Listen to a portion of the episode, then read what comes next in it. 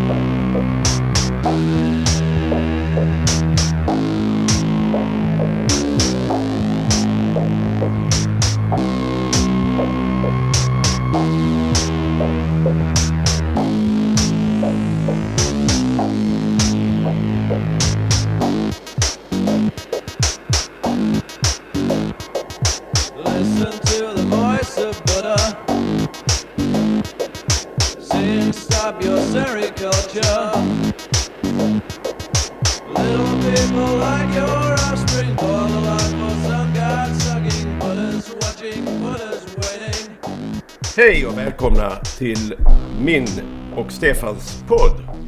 Det kommer handla om vår uppväxt, inte vår uppväxt kanske så mycket men eh, hur vi lärt känna varandra under lumpen 1983. Och en kort presentation av Stefan är att eh, han är en mycket, mycket god vän sedan eh, 1983. Han är intresserad av antiken, han är ju djupt kristen och involverad i mycket föreningsverksamhet. Eh, ja, kära Ulf. Eh, det har varit en stor glädje att få ja, känt dig så här många år. Jag hoppas på många, många år framöver också. Sen 1983 som sagt. Eh, det var liksom kärlek vid första ögonkastet kan man säga. När vi fann varandra i dagrummet. Och vad vi fann var då att vi hade väldigt många gemensamma intressen och någonting som jag uppskattar väldigt mycket att vi delar, nämligen humor. Som är väldigt viktigt. Kunde inte sagt det bättre själv.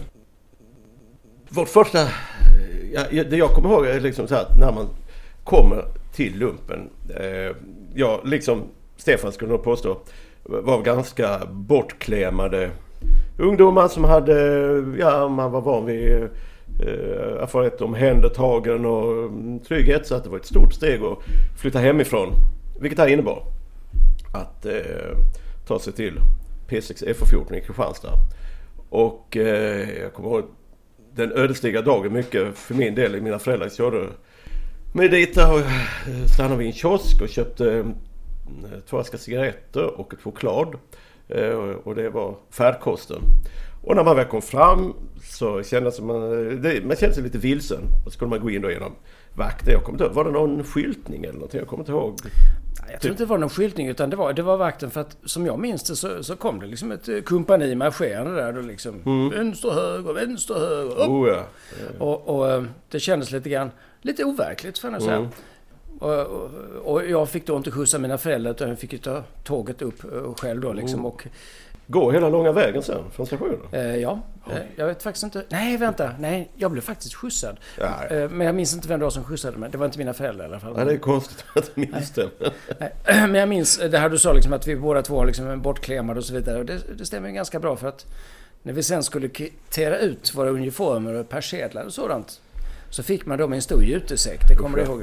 Jo då. Och man stod där i kön eh, och jag eh, stod och tänkte på annat. Och då säger personen eh, i materialavdelningen då, eller vad det kan ha varit. eh, Ja, vakna upp Gummesson, du är inte hemma hos mor nu. Och eh, ja, det, ja Det tänkte det vill säga militären är. Ja, nej det där var väldigt obehagligt. Jag tyckte det var lite coolt var ändå att det stod lite stridsvagnar och det var liksom, det fanns gamla byggnader, det var mur runt om. Det kändes som man var en del i en gammal fin militär tradition. Det var man inte nu men ändå. Och jag kommer ihåg att man plockade ut de här grejerna, de här fruktansvärda nylonstrumporna. Det var nog allra värsta. Ja, de var fasansfulla. Vilken fotsvett. Ja, ja nej, de var gråa och eh, jag kommer inte ihåg vad man mer fick för något. Ja, så var det väl allting. Jag kommer inte ihåg frågan om storleken. Man bara tog. De, de frågade om storlek och så fick man ta. För fanns det? kommer ihåg Small, medium, large? min, ja, min första uniform var ju alldeles för, för, för, för litet. Vissa var för litet och andra var för stort och sådär. Så att, eh, ja. Det var ju väldigt godtyckligt får man nog säga. Ja, ja. ja, men Det var först efter några månader som jag lyckades prova in de rätta storlekarna. Ja, men sen satt den som en smäck. Såg ju mycket elegant ut när du var klädd i. Krötrocken eller vad Ja, nu tänker jag framförallt på permisuniformen då, som vi fick förmånen att skruva oss i då. Ja, det var ju något man Det var ju stiligt med slips och um, Jo, epauletter, höll jag på men det var inga epauletter, men um, guldknappar. Ja. Blanka knappar. Ja. Då skulle man sätta gem i axelklaffarna. Just det. Då så att man var nöjd.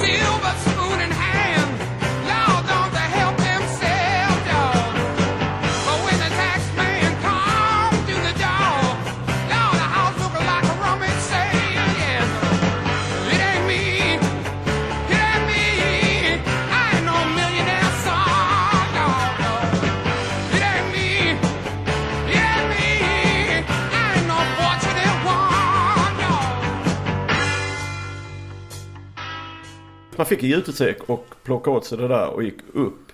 Och som jag minns det var det lite, alltså inte öppen mottagning men man hade en viss tid mellan typ eh, 10 till 11 skulle man infinna sig. Så hade en viss, eh, det var inte prick 12 annars blev du alkoholiserad utan man hade väl en viss tid liksom sådär va. Eh, Jag kommer inte alls ihåg när det var men det måste varit något mitt på dagen tror jag. Jo, men det var det. Jag tror det var, ja, jag tror det var mitt på dagen också. Ja. För jag minns så väl som sagt de här som kom marscherande då, va, liksom. Och jag tänkte ju automatiskt då på amerikanska. I don't want a teenage queen, I just love my M16. Hu. Det var det inte riktigt så, men ja. Nej det blev, det blev inte, inte riktigt så. Sen kommer jag inte ihåg, det måste varit också någonting vilken lucka man skulle vara på. Och lucka är för lyssnarna som inte vet det, det är ju det rum man bor på. Logement som det heter i det militära.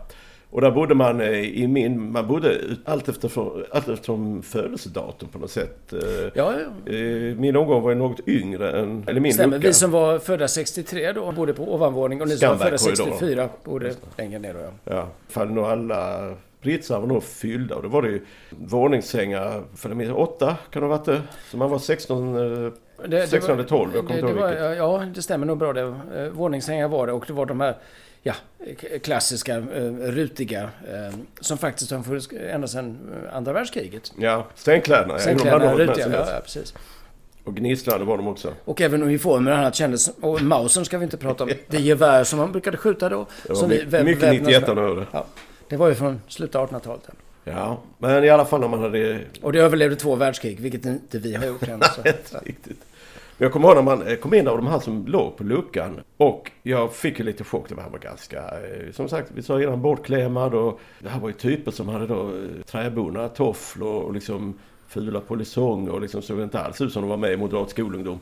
Eh, så det var ju lite grann av en chock. Men så var det en kille på min lucka som, han hade liksom rätt klädsel. Typ han hade en eh, Lacoste-tröja och han hade lite sådär lugg och sådär som du också stoltser- stoltserade med på den tiden. Och Allan Payne-tröja Ja. och seglarskor och sånt som var på Jag kommer inte ihåg vad han hette då, han ett vanligt namn. Han hette Sandberg. Han Sandberg hette han också, just. Ja, ja, ja, man, drar sig till honom och börjar prata lite grann. Så typ att uh, usch ja, vilket uh, pack här är eller något sånt där. Man säger, "Nej, men Riktigt gött! Det är att ligga knulla på stranden. Det är riktigt kul. Så tänkte jag, oh ja okej, vi... Ja, nej det var nog inte riktigt rätt sådär va. Det är vad jag minns eh, av eh, potentiella vänner inom citationstecken av klädseln att döma. Ända till jag fick se Stefan. When streams are ripe and swelled with rain, May she will stay, resting in comes again.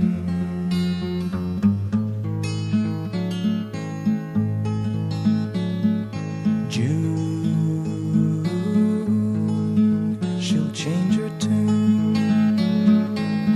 In restless walk, she'll prowl the night. July, she will fly and give no warning.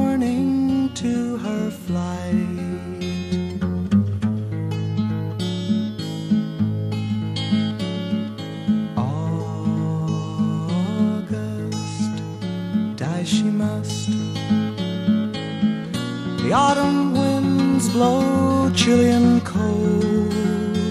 September, I'll remember. Vi samlas i aulan. Det, det kallas det. Eller samlings... Det var någon stor eh, samlingsrum av något slag. Åhörarsal. Där är regementets grundare, eh, Döbeln. Eh, eh, som var inom Karl Johans eh, Ja, Georg von Eh, Döbeln ja, minsann. Han- Samma Eh, Döbeln som stred i, i, i, kriget med Ryssland och Finland. Eller förlåt, Ryssland och eh, Sverige. Känd för sin 1808. laser runt huvudet kan man säga. Georg von Döbeln. Ja, och eh, det är så här man, man ser att han är där och, och eh, på bild överallt och han är ju då regementets grundare. Och eh, kapten Johansson som var vår kompanichef, eh, dum gubbe för övrigt, men han, Eh, Vår älskade och avhållsa, Ja. av, och vördade kompanichef. han var otroligt bonde. Ja, han, eh, ja, eh, mannar nu är ni här och, och kommer mycket floskler också. Regementet grundades som bekant eh, av eh, den här personen och så visar han då tavlan. Och är det någon som kan tala om vem det är? Och då tänker man bara att se sig runt omkring och tänker på att Nej, jag tänker inte räcka upp handen här och starta med någon form av kunskap som kan eventuellt leda till pryl i duschen eller eh, mulning i bästa fall och i, i värsta fall eh, övergrepp i... Nej, jag vet inte. Och, eh, men någon räcker upp handen och då säger ah vänta, det är den där killen liksom. Så han är ju snyggt klädd sådär liksom, men han vet ju inte riktigt, han kan inte läsa av sociala situationer riktigt. Och då räcker Stefan upp handen liksom. Det är Döbeln, säger han högt och tydligt liksom sådär va. Och då hör jag något böss som sitter framför mig. Eh, som senare blev känd som Le Tartar Bœuf. Han såg ut som en, en vit tartar. Med stora mustascher och snus och han hade något som jag bara inte tålde. Han hade mycket skit under naglarna. Så jag tänkte vilket svin. Och då hörde jag han säga liksom Öh! Hör på den, sån jävla professör. Deras professör.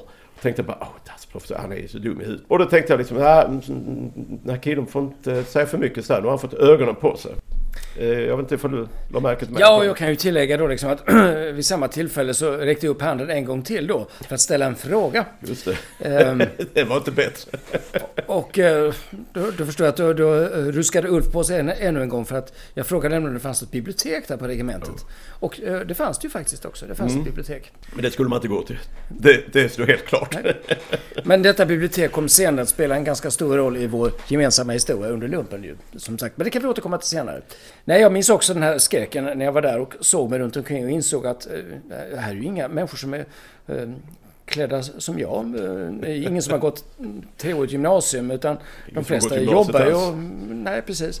Eh, Så jag blev mycket om- omruskad och eh, li- lite nervös då. Och i likhet med Ulf då så såg jag också, ah men där har vi en kille, han har ju Allan Payne-tröja och sånt som var inne då liksom. Fantastiskt. Dock utan att prata med honom. Men i övrigt så gick ju alla runt med trädbunnar och annat så att eh, det kändes ju lite... eh, och jag skrev ett långt brev till min eh, dåvarande go- gode vän liksom, där jag faktiskt beklagade mig förhållanden i militären då. Eh, Och sen så, så tror jag att vi, vi, vi pratades nog vid redan innan den gången vi satt där när du hade tappat rösten. Det var, vi träffades i dagrummet och, och, och jag började Mm. prata med dig och du sa "Jag kan inte prata, jag har tappat Just det. Eh, men vi hade pratats vid tidigare och jag har förstått lite grann ändå liksom. Men, men du hade ju inte de klassiska moderatkläderna utan du var ju liksom, du var ju liksom mer åt synthållet som jag minns det. Du hade dessutom sytt eh, lite grann eh, har jag för mig. Nej, jag hade den där kadettjackan. Ja, du hade- precis. Du hade en kadettjacka hade du och det var liksom inte Men- riktigt vad, vad jag var van vid. Men, men så insåg jag ändå liksom att här är ju en person med, med god smak och eh, vars bekantskap Ja. skulle kunna vara väl värd att odla. Ja, det lät ju väldigt-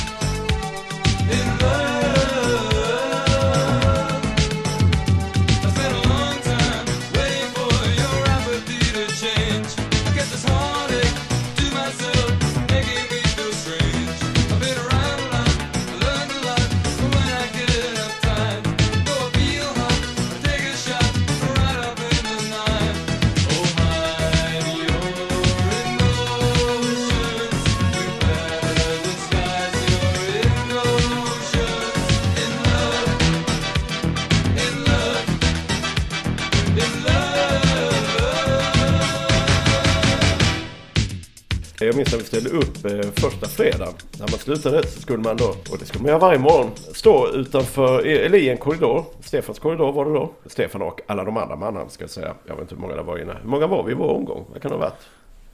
Ett par hundra? Ja, ja 70-80. Ja, Ja, eller 100 Om man var så. så 12, 12 på varje lucka kanske, Ja. om man säger så. Ja, Eh, och, och, ja, ja, 80 kanske. Ja. Eh, Så ställde man upp på morgonen, jag kommer inte ihåg vilken tid, okristligt tidigt. Men... eh, ja, det var nog klockan sju. Ja, det var nog, det skulle nog vara klara. Sen skulle man gå och äta frukost efter det. Mm. Och- Och, på tisdagarna skulle man lämna in tvätten. Och det var då kapten Stjernke sa Grip materiel. I ja. tvättsäcken då. Men både jag och Ulf tvättade ju hemma då. Ja, så man Så fick- de bortskämda unga vi Så var. man fick mjukmedel i strumporna. Men man hade i och för sig inte de strumporna i vilket fall, utan man tog egna hemifrån. Men jag kommer ihåg den uppställningen var i alla fall så att man står, då står man ju uppställd i civila kläder på fredag när man ska åka hem. Och eh, då kommer jag ihåg, jag stod där i min rock som fick eh, lite illvilliga bliringar från eh, packet runt om, tänkte jag. Eh, och det stämde nog också. Och så tänkte jag, oh, vänta, där står någon där borta. Och stod du där också, jag kommer inte ihåg vad du hade på dig. Eh, men eh, ja, du såg så här, också så här trevlig och prydlig ut. Så tänkte jag, ja, nej, det verkar ju trevligt. Sen var det någon som sa att man, oh, har du en cigarett eller något annat så här, så man liksom närmade sig varandra. Ja, det är väl ungefär vad jag kommer ihåg av, av den tiden. Och sen började vi ju snacka och eh, snacka, snacka, snacka. Och det var precis vad alla hade pratat med människor innan eftersom vi satt eh, uppe väldigt sent på kvällarna och nätterna. Vilket man kunde göra då eftersom man var yngre. För sen kommer jag inte ihåg när man gick upp på morgonen. Jo men, jo, men det var klockan sex. eh, Var det, inte innan var dess? Nej, det var sex. re- Reveljen då. Ja. Och dessutom, det var inte bara revelj utan det var liksom dagofficer, eller dagaren som Oh, gick och knackade på dörren och vrålade uppstigning. Det var ingen officer utan det var en eh, annan En i värnpliktiga. Precis.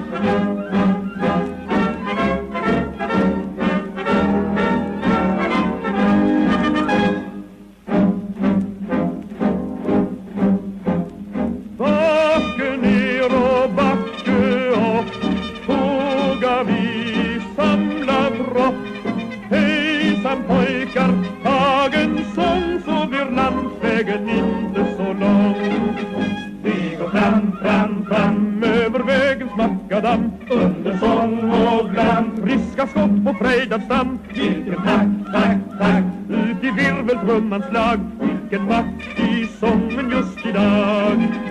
Ty vi sjunger för flickorna som står där i rad. För att vinka åt pojkarna som draga och snabb Från sin vän, vän, vän Det kan dröja lite men Utav längtan kommer han igen.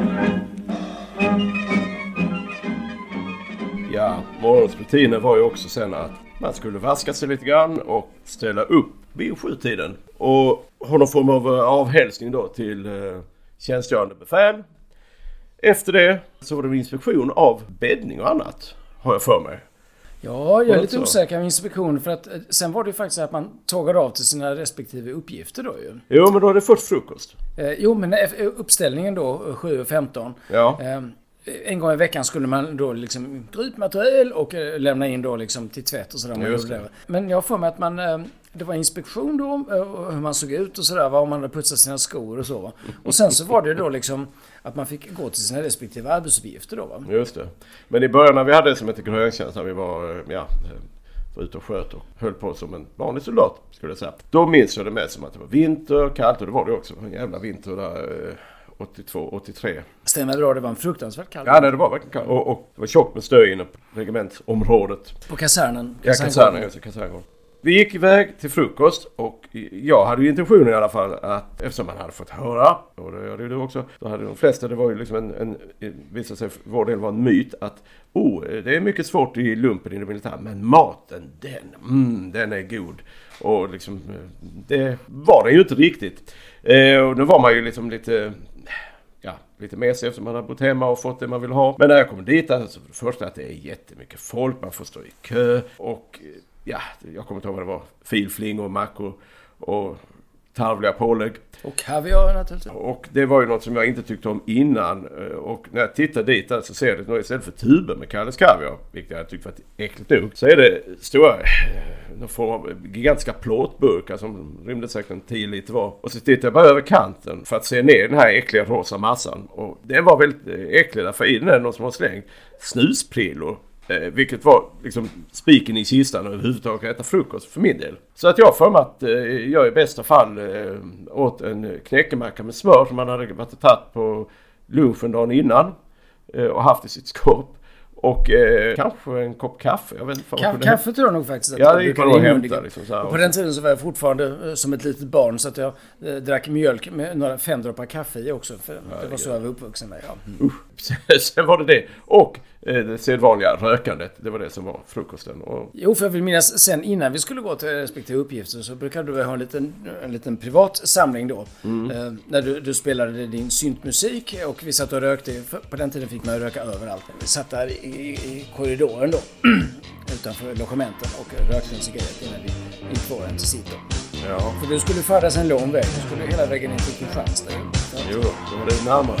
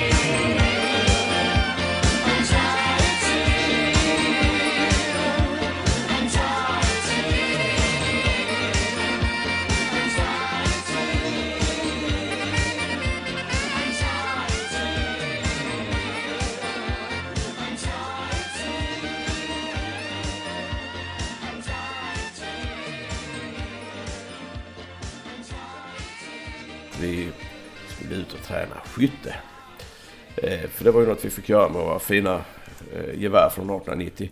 Och eh, som i och för sig var bra för sin tid och eh, sitt ändamål. Men eh, då samlades vi ju, marscherade ut och stod på kaserngården utanför kompaniet tror jag. Och sen gick vi, eller marscherade vi då, mm, i samlad trupp och då skulle vi träna på att marschera. Och det i sig var ju något rent fantastiskt. Men det var något som satt sig ändå hos mig och det var just det där att räkna vänster, vänster, vänster, höger, vänster. För att Vänster, höger, vänster, höger, vänster, det- höger, vänster, vänster. Det var, det, det, det var ju många... Så fort jag gick någonstans under många år framåt efter lumpen så gick jag och tänkte på det. Det var liksom så, nästan ett mantra. Eh, och när vi kom ut och skulle träna skytte så hade man med sig en säck att ligga på va? Visst hade man det? Ja, det- Jag får med det. Jo men det, någon, någon, för att det var ju kallt och låg på snön annars ju. Jag får med man låg på någon, det, det var det. Fast för att, jutesäck eller någon juteväv eller något. Ja. Det kan ha varit då när du fick träna luftgevär extra för att... Ja, fast det var, det var långt senare. Det var långt senare, Nu ska du inte gå händelser för här, nej, För, för, då fick jag, precis som vi hade ju lösskjutsandningar och sånt här. Just det. Och eh, vi fick gå till eh, målborden där vi Mm. fick träna skytte då va. Och eh, pri- pricka rätt då. Eh, Och ehm, det ju ganska snabbt. Några var ju skickliga skyttar och andra var mindre skickliga. Jag själv tillhörde den mindre skickliga. säkert. Eh, Men jag lärde mig av det att man kan ju faktiskt placera om de här lapparna då. Ja. För man skulle nämligen täcka över de gamla skotten. eh, På måltavlan där framme. Just det. Det fick man själv göra. Det var extra Det kul. De litade på ja, oss. Det skulle man ha gjort. För vilken mästerskytt man blev. Sen en sak Så därför klarade jag mig ända Ja. fram till sommaren. När mitt fusk uppdagades och jag blev tvungen att... eh, Det var ett fall det, som var ganska kul, alltså, som visar mycket om vilken, eh, vad mycket 91 det var över det här, det var ju det att man, man tog själv eh, ammunition och då anmodade man att ta typ fem stycken över magasinet rymde liksom så här. Men det var stod i askan så var det bara att plocka liksom 50 stycken i fickan. Och sen när man har skjutit sitt snabbt, vilket jag brukar lyckas med, med Sen gick jag ändå fram och fuskade med det där. Men med hyfsat resultat. Då började man skjuta på de andras tavlor bredvid. För att då se till så de fick dåliga Träffade Framförallt en då en eh, rackare som eh, kallas kallades. Han hette Jonsson. Hans förnamn vet jag inte. Men eh, han var en, ja, en finnig onanist som eh, låg i min översäng och det är därför jag hade det här tillnamnet på honom. Eh, så att eh, han var eh, ganska illa omtyckt av mig i alla fall. Men eh, jag minns inte alls att du var en dålig skytt sådär. Det var inte... Nej, det, det kom så där att jag flyttade runt de här eh, lapparna då. Så att det gick fint. Jag fick till och med beröm liksom. Ni är en utmärkt skytt. Ja, Så, eh, det är det jag minns. Det är därför jag tycker det är konstigt att du fick skjuta luft i varje straff. Men som sagt, det var ju senare då när Ja. fusket uppdagades då. Eh, Men jag kommer ihåg för att, men jag, eh, till skillnad från dig, då tog jag bara emot de här sex stycken patronerna som Ja, man ja. fick, blev tilldelade då. Men du berättade ju gärna frikostigt sen om hur ni hade plockat på er och skjutit och sådär. Och sen skulle man inte ta med dem hem. Eh, därför då skulle man visa fickorna eh, innan man gick därifrån. Men det var ganska lätt att gömma dem någon annanstans. Typ i en, i en ficka som man hade någon annanstans. Man visste vilka de tittade på. Och då gick man sen tungt skrammel, skrammel, skrammel. Och så kunde man ta med sig patroner hem och sälja till kriminella. Eller bara behålla själv på sitt pojkrum där hemma. Ja, det enda Jag som det var riktigt noga med, det kommer jag ihåg, det var de så kallade slutstyckena då. Va? För till geväret, eh, Mausen då som geväret hette, eh, de fanns i ett kassaskåp och slutstycket det är där man placerar själva patronen i. Och utan slutstycke så kan man inte skjuta helt enkelt. Nej, det var ingenting man kom över så lätt. Jag kommer mycket väl ihåg när man hade varit på det här. Det var, det var ju kallt, hemskt. Ligga där och skjuta eh, med minst sagt skiftande resultat. Och så när man kommer tillbaka så ska man rengöra det här jävla geväret. Och det, det, det var ju en hel vetenskap fastän det var ett mycket enkelt basic gevär verkligen. Med en kolv, ett slutstycke och en pipa. Och det skulle oljas in med så kallad vapenfitt. Vapenfett då som man säger Ja. på svenska. Men vi valde att kalla det för vapenfitt. Ja, det var ju så våra skånsktalande befäl uttryckte det. Och det skulle kontrolleras sen. eh, Någon skulle liksom då besiktiga vapnet innan man fick upp då och äntligen... Jo, man skulle, man skulle Hålla kvällen. man, eh, befälet skulle då hålla, vilket man själv skulle göra innan man Mm. undersökt, så skulle man hålla eh, själva röret då, alltså mynningen. Och, Just se, det. och då skulle det vara alldeles blankt där Ja. inne. Och jag förstod aldrig liksom... Ja, det tyckte jag det var för jag tyckte jag körde den jävla viskan Jo, där inne. jo, men det var en viska. Ja. Visst var det Och med, med vapenfett då. ja, det var mycket olustigt. Det var mycket tråkigt. Det var Var mycket det i källaren har jag för mig? Längst Det ner det- var det- det, det en var- liten verkstad Det liksom. stämmer. Det var också där man putsade sina kängor. Vapenkängor då, som skulle putsas. De, de, de var bruna och skulle göras svarta. Jag förstår inte varför men... ehm, Nej, det var en effektiv militärapparat fall. på den tiden. Ja, nej det var, eh, det var spännande. Men eh, så ingick ju också lite grann realistiska scenarion. Eh, Inte så ofta, men det var ju bland annat ett där man var i någon... Vi marscherade ut, stod på bomvischan eh, där det enormt mycket mark som hörde till regementet. Och eh, där vid någon rind, vid någon åker någonstans så stannade vi och där skulle vi ha något scenario där det finns någon som, jag kommer inte ihåg om han försökte ta sig därifrån eller han var på väg in och då skulle vi träna hur vi hanterar en sån hotfull situation genom att eh, vad skulle vi ropa? Halt, halt eller skjuter skarpt. Just det, det var de Och tre kommandona. var man sköt sen Ja. så att säga va. Så det var fyra kommandon kan man säga. Ja. Halt, halt, halt eller skjut och Och det här gjorde vi väl i grupper då. Där man, man skulle då, ja, spela olika roller. Och jag kommer inte ihåg min grupp. Det var någon figur som jag inte kände så väl. Men det gick väl rätt bra. Och jag var ganska trött och tyckte att det här var kallt och hemskt. Men då stiger du in på scenen. Och det här var eh, en av de här, ett av de här tillfällena i mitt liv när jag kände att tiden fryser. Alltså det här är inte sant. Därför du var väl också ganska trött på det hela tror jag. Det var därför jag eh, ut- uttalade det som du ska strax berätta om. Ja. Ja, och då eh, ställer du dig som den ansvarige och istället för att jag hörde hölt, hölt och skjutskap muttras fram rent eh, på repetition som man hörde av de flesta, inte minst mig själv. Så på skallande tyska ropar du som du bäst själv kanske får göra här nu. Halt! syns jag nycklar till NSDAP. Ja.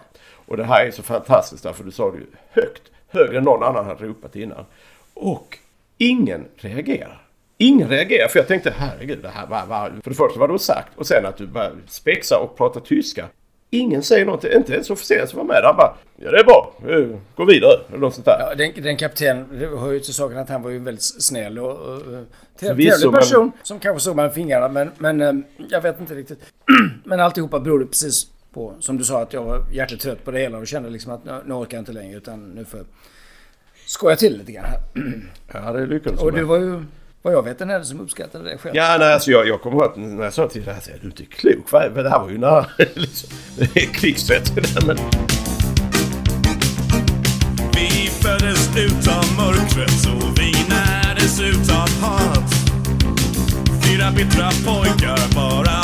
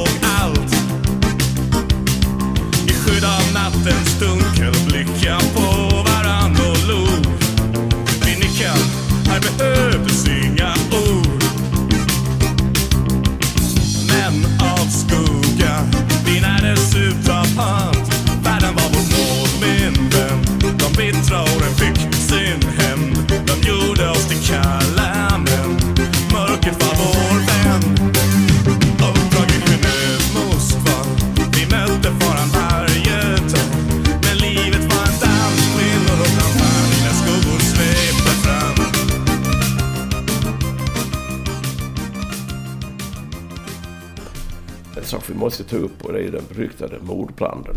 Den är väl den jag minns mest från just vintern. I- Ja. I februari. Vi hade bara...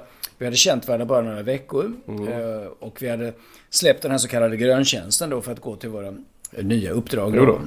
Då hade vi lite eh, kvällstjänstgöring ibland som bestod av någon form av kvälls, inom citat, utbildning. Eh, Jag har ingen aning vad det var vi pratade om där faktiskt, det kan jag säga ibland. Men då satt hela omgången där uppe och eh, ja, någon av officerarna höll i det och pratade om någonting som jag... Jo, det var faktiskt vår, som sagt, vördade kompanichef, Ah, kapten jo. Johansson och hans adjutant, kapten Stjernqvist, eh, som höll i detta. Och även Fanjunkare Westergren. Fanjunka, Fittan Westergren som han också kallas. Vi kommer med in på senare vad fan kallas för Ja, fittan, just det. precis. Men eh, ifall man inte tar det i förväg så var det så att... Eh, ja, jag ska inte ta det. Det får du själv eh, för din talan här. Men du, du fann det olustigt att mannarna roade sig med att titta i pornografiska tidningar. Och det fanns det gott vältummade och eh, ja, använda. Låg de överallt på luckan. Och det var ju helt okej tydligen enligt eh, befälen. Skulle jag tro. Jag skulle det, tro att det var ett be- bevis på uppvisad manlighet helt det, det var säkert och lojalitet mot kronan. Eh, och jag var ju inte riktigt av den... Ja, vi, hade inte samma moraliska po- position. Så jag, Ja, du, du bekände inte färg Nej, jag gjorde inte det. Jag tänkte, det kommer oh, lite senare. säga? Jag uppskattar ju de här tidningarna. Tittar, satt ofta och tittade i dem liksom. Men eftersom jag tänkte, nej men här är så trevligt så jag får väl liksom spela med det här lite grann. Och då skulle vi samla in ett antal av de här för du var så trött på att se detta snusk. Och de bestämde vi att de skulle vi liksom på något sätt ta bort. Och hur ska vi ta bort dem? Inte slänga dem i papperskorgen. Nej, symboliskt dessutom så är det ju en renande eld som ska ta bort. Och eh, då samlar vi ihop, eh, långt ifrån allihop kan jag tänka mig. För Jag tror att det rörde sig om 3-4 exemplar, Ja. för det var inte säkert många men... och, och eh, det var väl tidningar märket skulle jag tro. Eh, inte för att jag är någon konnässör men då var jag eh, Aktuell Rapport och Lektyr FIB Aktuellt. Skulle jag tro. FIB-aktuellt som det Fibban, ja. Och de här på kvällen skulle vi elda upp på en toalett som fanns i... Eh, det ska man säga också att vårt kompani, det här huset, eh, fanns en hel del så här tomma eh, logement och några korridorer där det liksom inte bodde några under den här tiden. Men i varje, på varje våning fanns det två logement och så var det en slags toalett och en, ja, någon form av andra rum emellan. Den här toaletten var en toalett som vi brukade använda för att det var ingen annan som hade upptäckt den. Och det var ju trevligt att ha något annat istället för något böss som gick och kissade och bajsade där. Och där skulle vi elda, eller hur? Helt riktigt. Vi samlade ihop våra tidningar Ja. och ehm, vi skrev raskt till Ja. verket.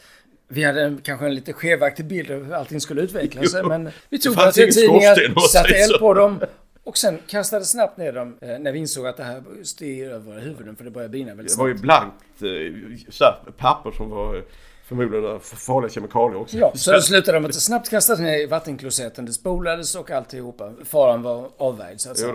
Och för att få bort det så gick du och hämtade din Irish Spring.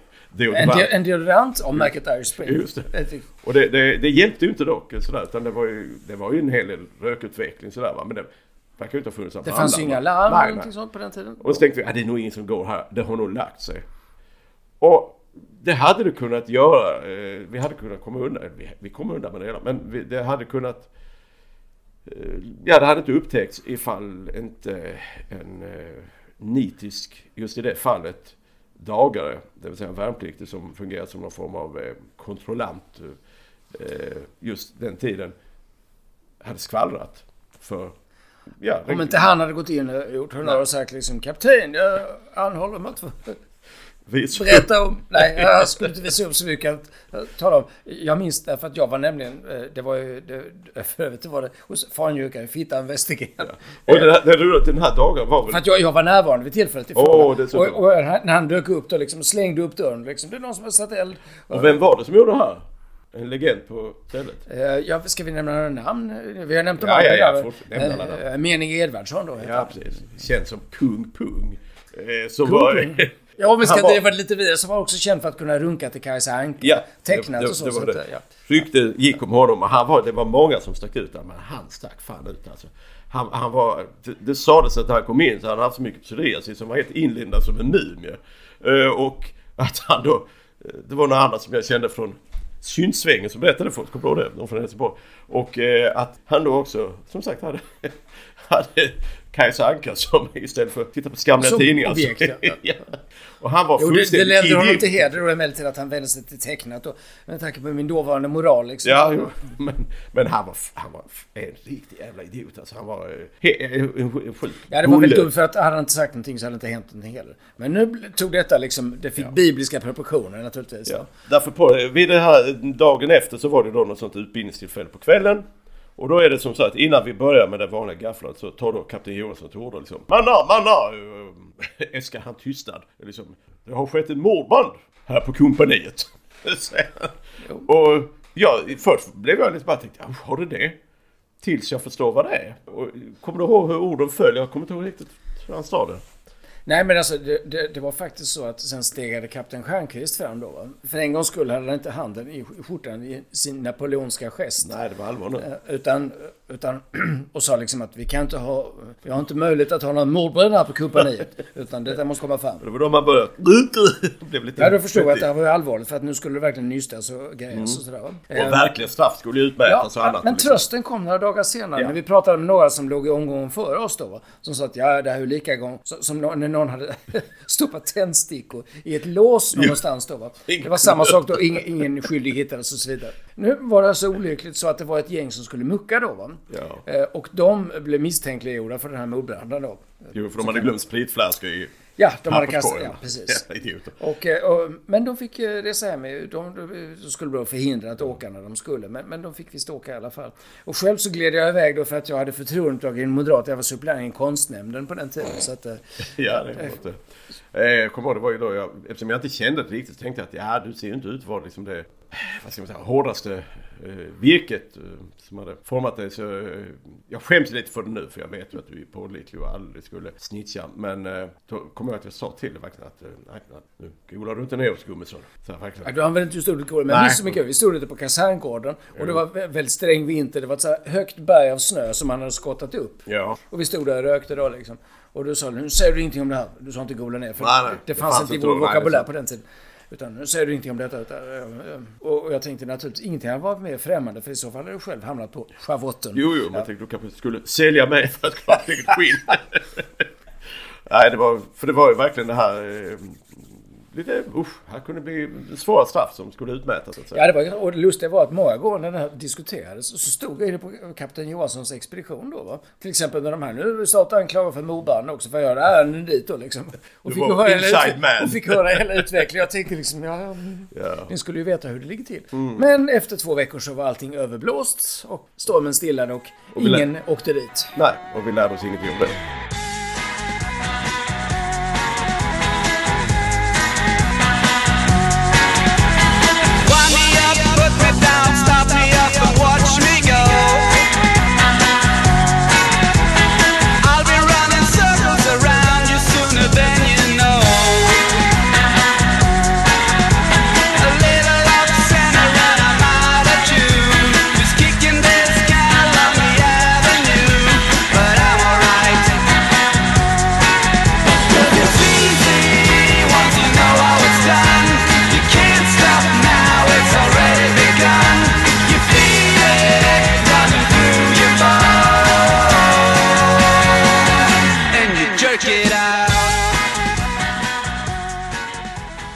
Ulf, eh, det är ju många tänkvärda upplevelser som vi har varit med om. Men eh, när vi sitter här och tänker tillbaka så minns jag eh, Milostaben.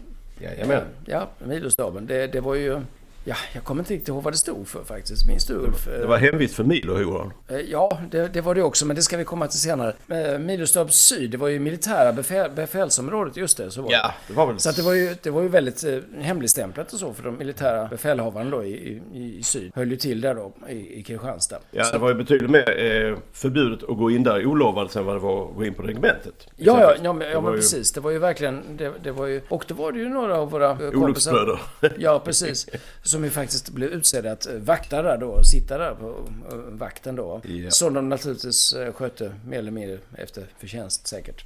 Som vi alla gjorde på den tiden. Ja, men det var det ju som så att vi var ju, som du nämnde tidigare, mycket missnöjda med, med maten då på kompaniet. Eller på regementet. Eh, men vi upplevde det som att de hade bättre mat där på milostaben och, eh, och de gossarna där bjöd ju in oss att komma dit och äta. Och det var ju trevligt. Eh, så vi kom dit en, en vardagsafton då liksom. För att smörja kråset då med, med rostat bröd och annat. Som Ja. vi tyckte inte fanns på regementet. Nej, precis. Och vi, vi, har, vi hade ju frågat dessutom hur vi skulle göra. För vi visste ju att det här var ju lite... Ja, det var ju inte bara att gå in där sådär. Men det visade sig att det var det. Så de sa ju bara liksom, ja, kom när ni vill liksom sådär. Liksom, så, jaha. Så tänkte vi, så vi, jag kommer inte ihåg, vi var där väl på kvällen vid, vad kan det ha varit, sju, åtta tiden? Och så Ja, det, det var ju mörkt och det var vår och sådär. Så att det var nog- Personalen hade gått hem, de vanliga liksom sådär. Och jag kommer inte ihåg, vad låg det här? Det låg inne i Det låg stan. inne det låg faktiskt inne i centrala Kristianstad. Ja. Jag kommer inte ihåg exakt var, men det var i centrala Kristianstad. Och vi kom dit och blev eh, välkomnade och mottagna på bästa Jo sätt. Och ett maten gäng dukades fram och, och sen sa de att nu måste vi gå ifrån eh, för vi måste vakta och sånt här. Måste Ja, jag ska, arbetsuppgifter. måste invända lite. Det var inte bara att de dukade fram utan det stod framme. De hade liksom någon slags sån här med brödrostar och Pågens Raskens rostbrödar. Och, och där var ost och köttpålägg Det och allt fint skulle det och vara. Kaffe. Men, men jag minns faktiskt att det fraktades från kompaniet till dem. Ja, ja, för det ja. fanns en speciell leverans då. regementet. Ja. Ja, så att eh, det är riktigt, det har du rätt. Det stod framdukat. Och det här vi dit. satt och åt, det var liksom slags avskilt, ganska stort utrymme ändå. Men jag minns det som att vi satt och åt på någon slags podium, men det stämmer ju inte. Men eh, det var lite soffor och liksom Ja men det var, det var som en mäss, en officersmäss. Och en officersmäss kanske inte alla vet vad det är för någonting men det är då ett ställe där man samlas officerarna eller sitta lite fint och äta och dricka och sådär tillsammans då. Ja, deras lilla klubb. Ja, precis. Och så fick vi då förhållningsorder. För vi var ju ganska, det kommer jag ihåg, vi var ju lite här på tårna att ja men om det kommer någon, vad ska vi göra då? För då tänkte vi, oh nu. Jo men de var noga med att inskärpa detta så att om det kommer någon nu va, om det ringer två signaler eh, vill jag minnas på telefonen så måste ni snabbt gömma er va för att ingen Mm. Ja. får veta att ni är här för ni har inte rätt att vara här. Nej okej. Och sen gick de iväg. Mm.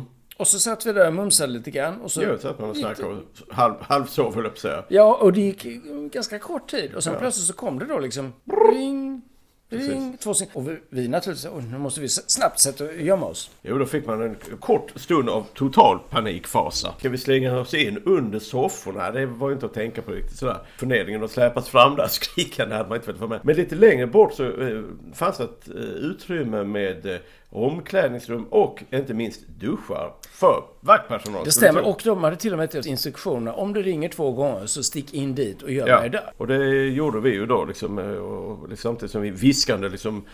"Nej, Det händer här på riktigt. Oj, nej, vad ska vi göra nu liksom? Nu kan det gå illa riktigt så här. För då kom helt plötsligt den här tyngden av att oj, vi är inne på liksom, alltså säkerhetsklassificerat eh, och- eller säkerhetsklassat område. Och det här kan ju sluta riktigt illa. Och sen, Ja, ja, på riktigt ja. var det faktiskt så att man kunde faktiskt ställas inför civil rättegång. Ja. eh, Om man bröt mot de här reglerna. Så det var ju liksom inte att leka med egentligen. Nej, man kunde faktiskt bli ställd inför eh, ja, civila myndigheter och dömd till straff då. Och vi hade väl en, båda två en gemensam sak, nämligen en livlig fantasi. Jag, jag kommer för att vi bara tänkte det här var för sig, eller för vi, vi såg det framför oss. Liksom, vi, vi sprang in i duschen var lite grann av en labyrint för mig. Det kan vara minnet som spelar mig spratt. Jag minns nästan att det var några duschbås Ja, och sådär liksom. och vi tog oss in så långt vi kunde och stod där liksom verkligen och, och flämtade av skräck. Och ser framför oss, det var små, små fönster för mig uppe vid taket. Och, och där ser vi framför oss liksom hur liksom strålkastare liksom, eller ficklampor lyser. Och helt plötsligt fick Och vi har schäferhundars Jo då, ylande. Att det var vakttorn och taggtråd och eh, horande helikoptrar kanske som skulle ta oss. Och liksom att oj, oj, här skulle vi släpas upp och möjligtvis kanske skjutas på fläcken eller en eh, di- direktsänd rättegång som ens föräldrar får se Jag tror lite grann att vi kanske båda två såg framför oss liksom eh, Stauffenbergs attentat då, liksom i, i, i juli något sånt. 44. Ut på gården och skjutas direkt liksom. Så att, ja. Och eh, ja, vi blev väl lite gråtmilda och sentimentala där så eh, Detta är slutet. vi tog väl en sista cigarett och tog eh, någon form av formellt avsked från varandra. Jo då, vi, vi tog varandra i hand högtidligen och sen så det var inte nära att känna dig Gummesson. Ja, ja, precis. Och sen slås dörrarna upp och in kommer de med schäferhund och alltihopa. Nej, inte alls. Utan givetvis kommer våra kamrater då liksom. Med ficklampor. Jo. Vad gör ni? Ja. Vad, vad gör ni här inne? Liksom, ja men ni tryckte på knappen två gånger liksom. Ja, nej det var helt oförstående för det. Och det, det kändes lite pinsamt.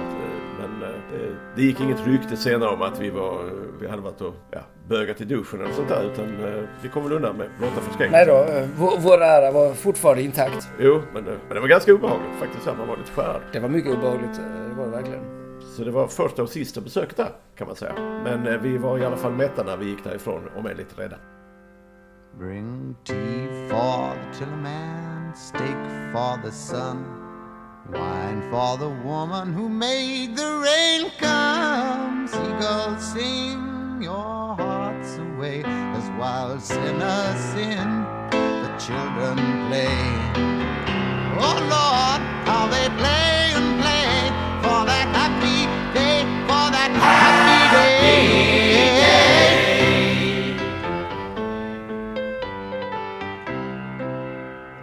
Och vi avslutar dagen eh, med eh, regementets valspråk. Jag vet ingen som är mer lämpad än du, än Ulf, att uttala regementets valspråk.